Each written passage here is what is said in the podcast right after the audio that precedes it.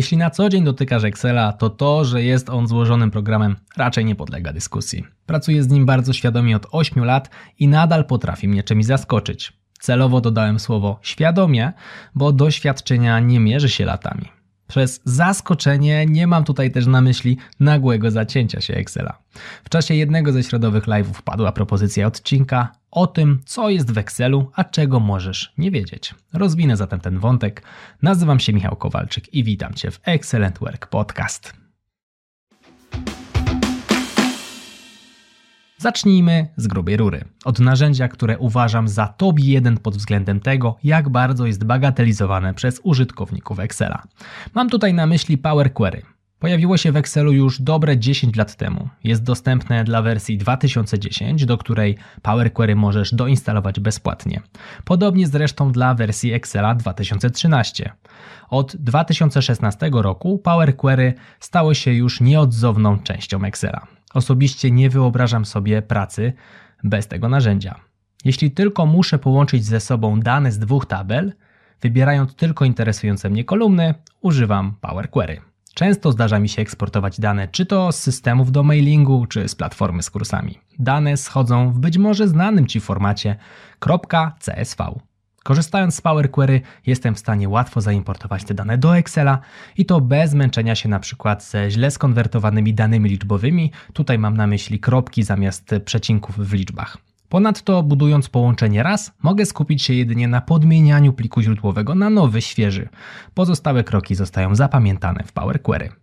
Nie będę tutaj wspominał o Power Pivot, bo w tym odcinku skupimy się na rzeczach przydatnych na pierwszej linii frontu dla przeciętnego użytkownika Excela.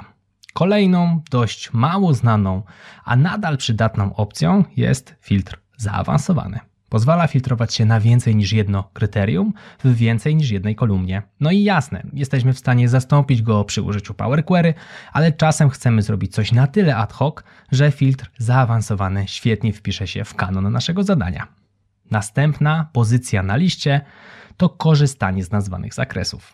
Opcja ta pozwala zaznaczyć komórkę lub cały ich obszar i nadać im nazwę. Ułatwia to odwoływanie się do komórek, a także tworzy coś w charakterze spisu treści w Excelu. Aby przejść do wybranego nazwanego wcześniej zakresu, wystarczy rozwinąć listę, która znajduje się pod wstążką na lewo od paska, w który wprowadzasz formułę.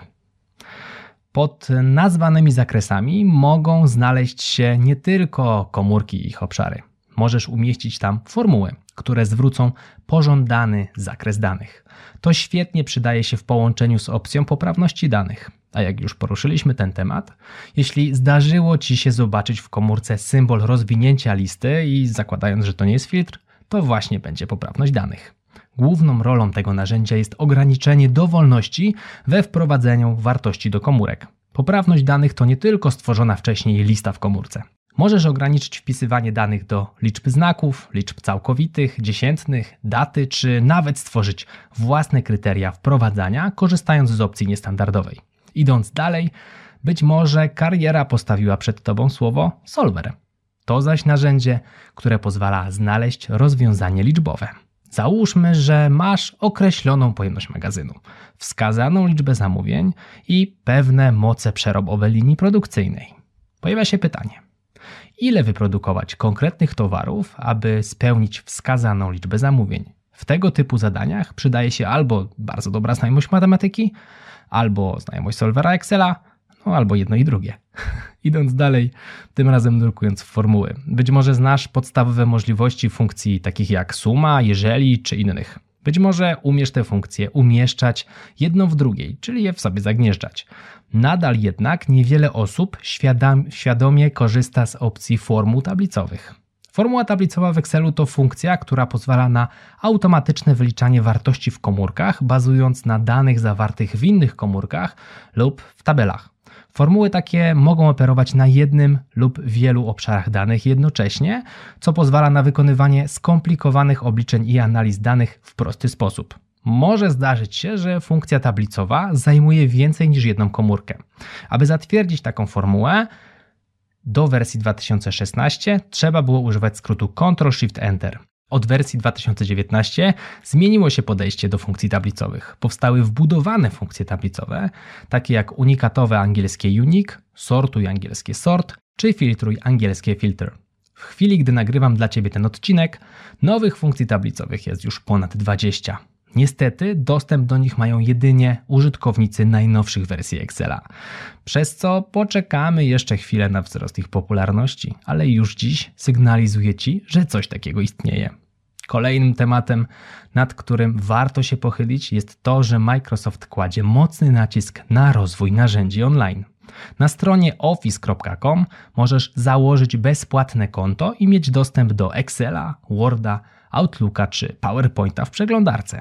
I jasne, to nadal nieco okrojone wersje narzędzi, które instalujemy, ale w wielu przypadkach naprawdę wystarczające.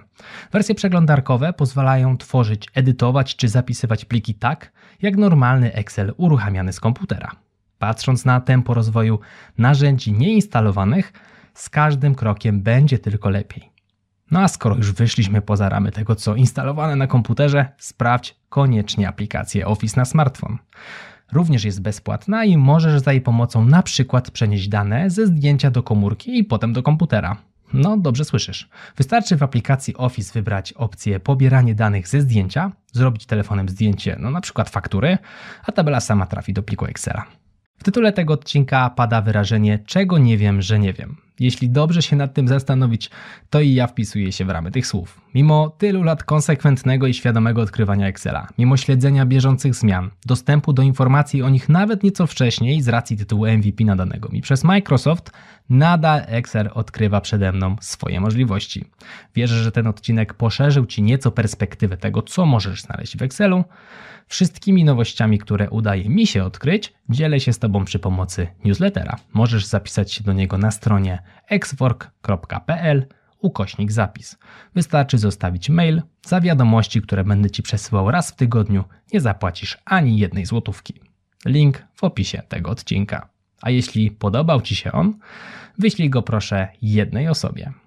Mówił dla Ciebie Michał Kowalczyk. Do zobaczenia i do usłyszenia w kolejnym odcinku Excellent Work Podcast. Trzymaj się, hej.